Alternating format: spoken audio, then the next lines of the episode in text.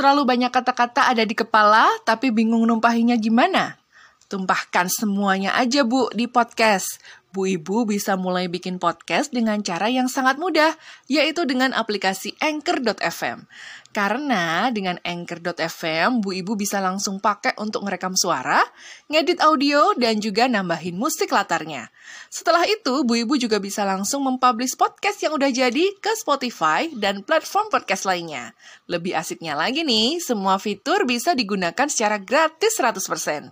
So, tunggu apa lagi? Spill semua unek-unek di kepala Bu Ibu lewat podcast dengan download Anchor.fm.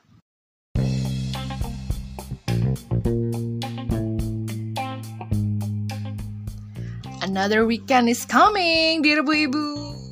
Assalamualaikum. Apa kabar? Sudah siap untuk weekend kali ini? Atau mungkin malah udah siap banget nih untuk liburan panjang sampai pergantian tahun nanti? Wuh, cocok meong banget ibu-ibu. Have fun ya Bu ya. Buat bu ibu yang justru nggak bisa ke mana-mana weekend atau liburan panjang ini, aduh, duh, duh, duh, jangan sedih, jangan berduka. Ada Ibu Inung kembali menyapa.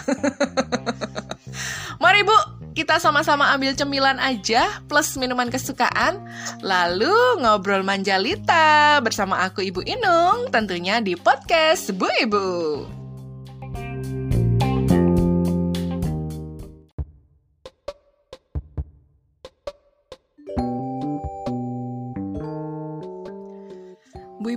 Weekend gak ke mana-mana? Gak usah sedih. Liburan juga gak ke mana-mana. Ah, udahlah gak usah manyun. Mungkin memang sekarang waktunya harus istirahat di rumah aja sambil tetap ngomong bocah ya Bu ya. Apalagi kalau bocil-bocil kita itu sedang ada di fase-fase penting pertumbuhan. Di mana peran kita sebagai orang tua itu sangat berarti dalam parenting sehari-hari mereka. Mungkin memang sekarang saatnya untuk uh, mengevaluasi lagi model parenting dan nurturing kita ke anak-anak gitu karena kadang kan apa yang kita berikan ke anak selama tumbuh kembang fisik dan psikis mereka itu bisa dibilang ada yang match, ada yang tidak match gitu. Ada yang bisa membuat progres berarti untuk anak, tapi ada juga nih yang jelas-jelas nggak cocok untuk anak. So, I guess this is it ya. Yeah? It's time to recall what have we done to our kids. Maksudnya ya itu tadi, evaluasi tentang bagaimana kita memberikan pengasuhan ke anak-anak kita selama setahun inilah paling enggak. Apalagi nih ya, kalau misalnya pengasuhan yang diberikan ke anak itu nggak cuma dari kita, bapak ibunya aja, melainkan juga didapat dari nenek kakeknya misalnya atau juga dari neninya atau babysitternya alias pengasuhnya gitu. Bahkan mungkin dari staff daycare mereka ya kalau misalnya anak-anak bu ibu ini setiap hari dititipkan di daycare karena uh, kedua orang tua bekerja gitu. Jadi sumber pengasuhan mereka itu berasal dari banyak pihak dan kadang modelnya, metodenya, cara-caranya itu berbeda-beda yang tentunya pasti akan berpengaruh ke tumbuh kembang si anak ini gitu.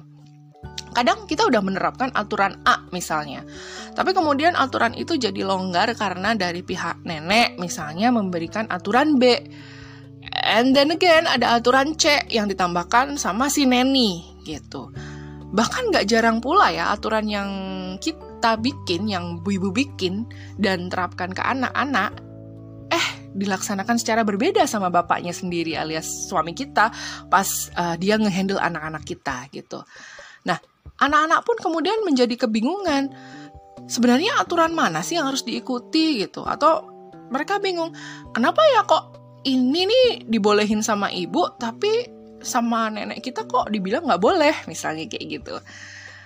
Nah, kita ibu dan suami sebagai orang tua bisa gunakan waktu libur ini untuk berkumpul dengan anak-anak sambil merefleksi diri apa-apa apa-apa aja yang udah diberikan ke mereka ya.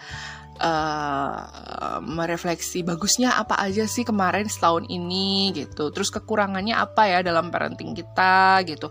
Apa yang harus dihilangkan apa yang harus dikurangi apa-apa yang harus dipertahankan Terus mungkin uh, memikirkan apa yang akan ditambahkan mulai tahun depan gitu. Tentunya semua untuk uh, tumbuh kembang anak yang positif secara progresif ya. Kita kan kepengen anak kita menjadi pribadi yang baik nantinya kayak gitu. Belum lagi kalau kita sering dapat masukan-masukan seputar parenting ya, entah dari ibu kita atau dari mertua kita atau dari saudara-saudara kita yang lebih dulu berkeluarga atau dari teman-teman kita sendiri, dari bestie-bestie kita gitu. Bahkan juga dari pakar-pakar pakar-pakar parenting gitu. Eh, ada juga nih masukan masukan-masukan seputar parenting yang bukan dari pakar parenting tapi memberikan info seputar parenting di berbagai media, baik media cetak atau digital kayak gitu. Kita tahu ya di berbagai artikel internet, terus kemudian di sosial media itu bertebaran aneka info tentang parenting. Terus juga banyak seminar, webinar, kelas parenting itu diadakan di mana-mana. Seolah-olah banjir informasi ya tentang parenting ini gitu. Tujuannya ya supaya para orang tua itu bisa jadi orang tua yang baik dan benar dalam setiap hal pengasuhan ke anaknya. Karena sejujurnya ya, sekolah menjadi orang tua itu kan nggak ada ya. Selama kita sekolah SD, SMP, SMA, kuliah, itu kan nggak ada pelajaran menjadi orang tua gitu ya. Ya kan? Nah, banjir informasi tentang parenting ini tuh seakan nggak bisa berhenti ya Bu Ibu ya. Kita tuh mudah banget mendapatkan informasi tentang parenting ini di mana saja gitu ya. Tentang apa saja yang ingin kita tahu, kita tinggal klik aja. Ya, kita pengen tahu tentang kehamilan, tentang persalinan, tentang menyusui, tentang anak tantrum, tentang anak diare gitu kan. Sampai akhirnya mungkin bagaimana menghadapi anak-anak yang mulai kenal pacaran misalnya, ya. Kita tinggal klik, kita tinggal pilih aja yang bagaimana dan mau ngikut ngikutin yang mana gitu kan. Tapi gak jarang bahwa infonya itu terkadang berbeda-beda gitu kan, bahkan saling bertentangan satu sama lain. Ya kan? Kadang kita menemukan eh di artikel ini bunyinya gini, tapi di artikel yang itu bunyinya gitu gitu. Nah, kita jadi overwhelm sendiri kan kadang-kadang kalau baca yang ini, yang itu kemudian kita coba menerapkannya dalam kehidupan sehari-hari. Lama-lama ya jadi auto bingung ya. Yang mana nih yang pas buat anakku kayak gitu ya kan? Well, basically yang dibutuhkan seorang ibu dalam pengasuhan anaknya itu sebenarnya adalah support system yang baik kayak gitu ya. Dari suami terutama dan keluarga terdekat. Kalau support system ini sudah ngasih uh, bentuk support yang positif, tentu akan menambah rasa percaya diri ibu dalam urusan parenting. Dan ketika si ibu uh, merasa harus bertanya tentang kebutuhan parentingnya karena mungkin ada satu atau dua hal yang dia belum tahu atau belum pede bener buat ngelakuinnya. Nah, circle dalam support system ini siap menjawab dan mengajukan pilihan solusi tanpa harus uh, being judgmental gitu ya, tanpa harus menghakimi gitu loh. Bahkan tanpa harus mengkritisi, apalagi sampai menjelek-jelekan gaya parentingnya. Ya kan? Sebenarnya itu yang dibutuhkan seorang ibu dalam parenting. Tapi sebenarnya bu ibu sendiri sebaiknya juga mengatasi derasnya banjir informasi parenting ini.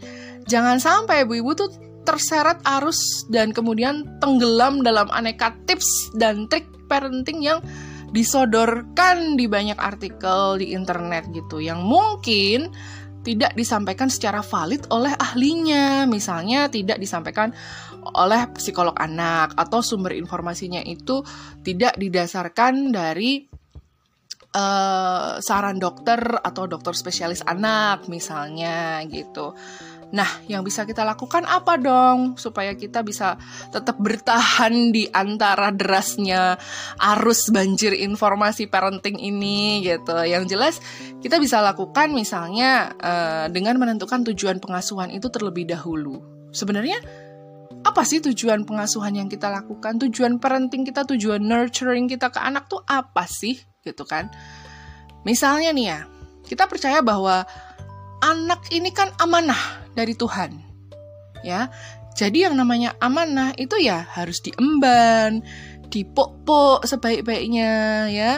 disayangi, diperhatikan dengan sebaik-baiknya, dipupuk, disiram dengan sebaik-baiknya dengan misalnya uh, pelajaran akidah dan akhlak yang terbaik, misalnya kayak gitu.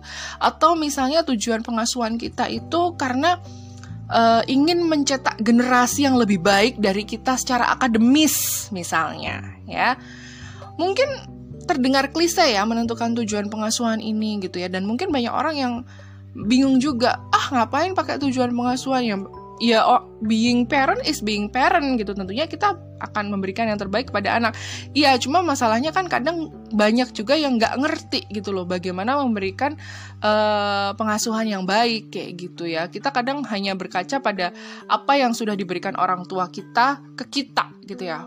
Pada saat kita diasuh dulu sama orang tua tuh gimana terus kemudian kita lanjutkan ke anak kita. Nah, cuma masalahnya hal-hal yang dulu kita dapat itu untuk diterapkan di dunia sekarang, di era sekarang itu ada yang nggak cocok. Nah, jadi sebetulnya ketika kita menentukan tujuan pengasuhan saat ini itu semacam jadi semangat kita juga dalam mengasuh gitu loh. Pas kita capek, pas kita ngerasa aduh nggak sanggup lagi deh kayak gitu atau misalnya overwhelmed ya kita bisa kembali diingatkan lagi dengan tujuan pengasuhan yang udah kita buat ini gitu karena ketika kita sudah menentukan tujuan target lah istilahnya goalnya gitu.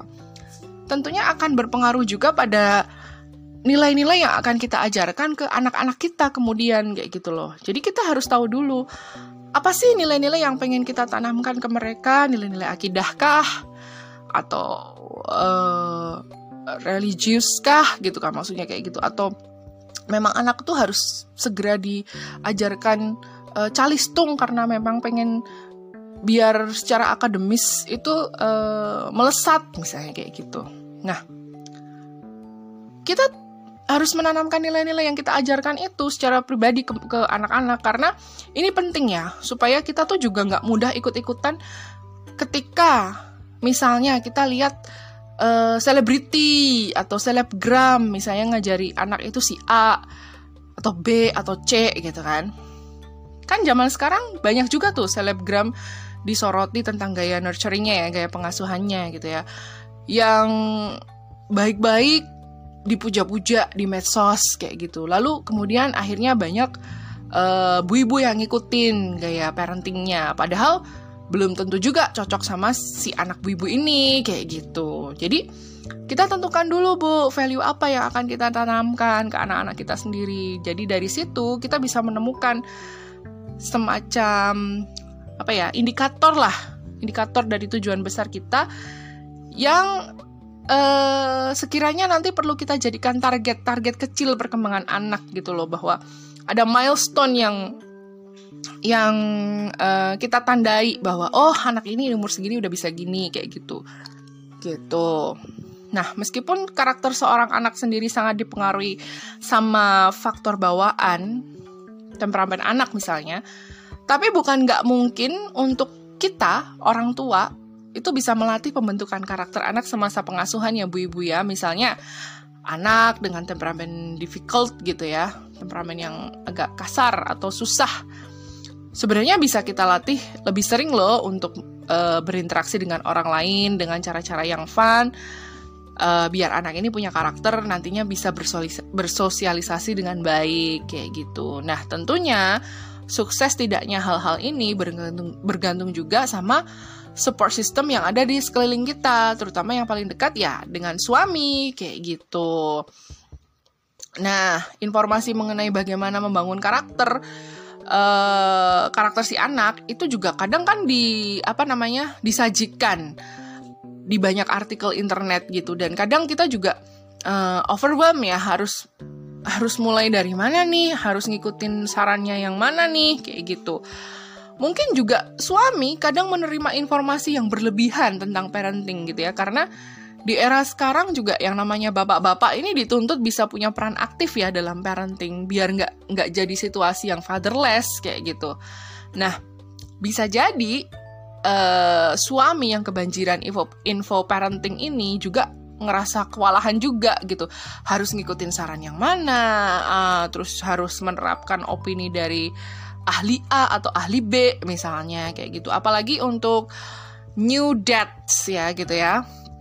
Untuk para ayah baru gitu merasa bahwa ya nurturing dan parenting itu udah cukup lah istrinya aja yang ngurusin saya nyari duit aja misalnya kayak gitu atau malah merasa bahwa aku udah punya gaya ngasuh sendiri kok bu. Mah mih kayak gitu.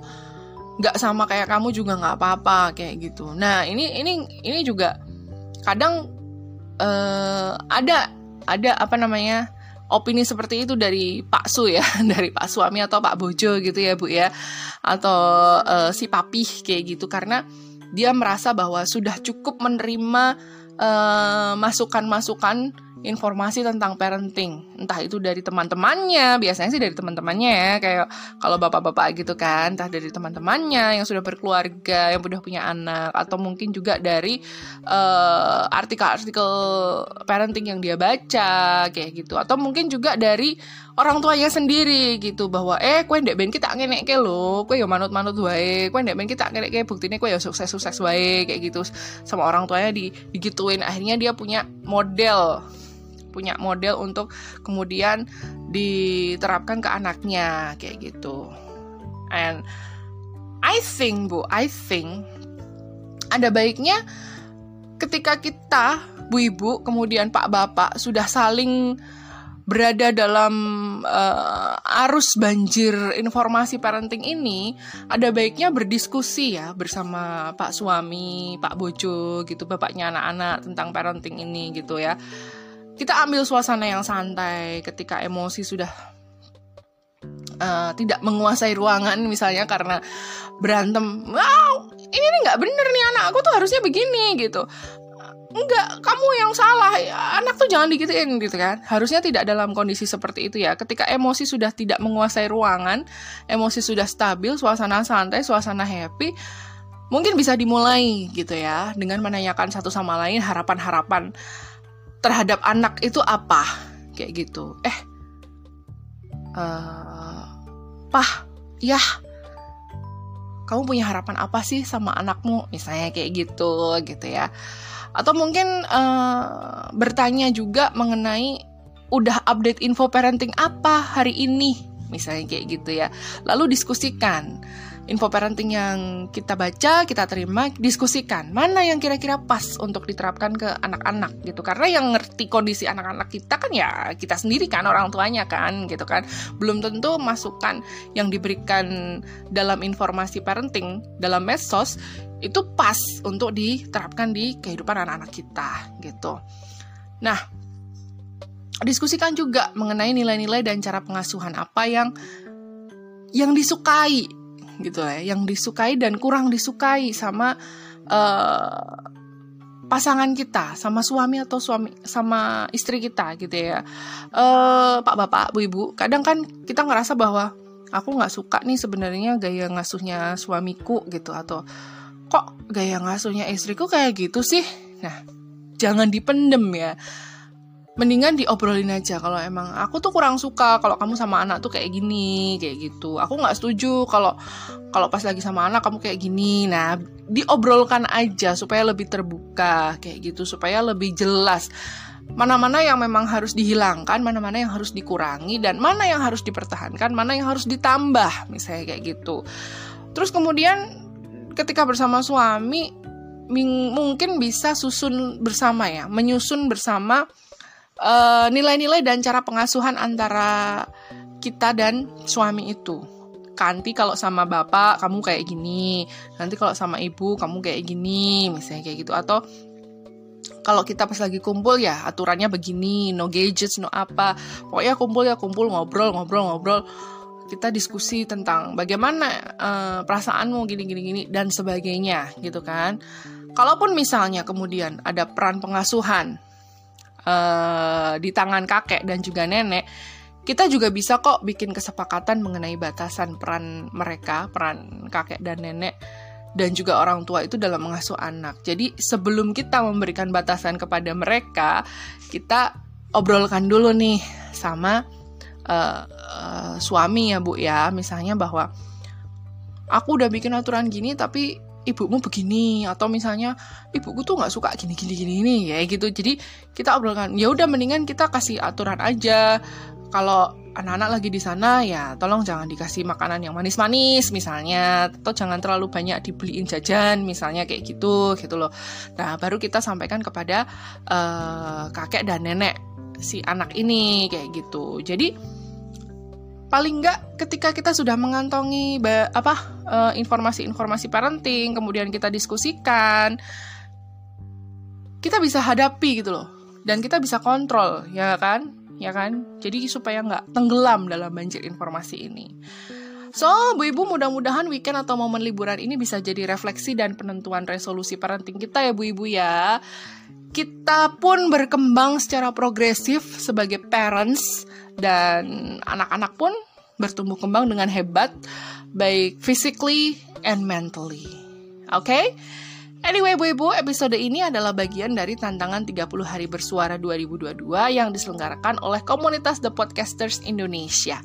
Aku Ibu Inung. Kita ketemu lagi di episode lain tentunya di podcast Bu Ibu.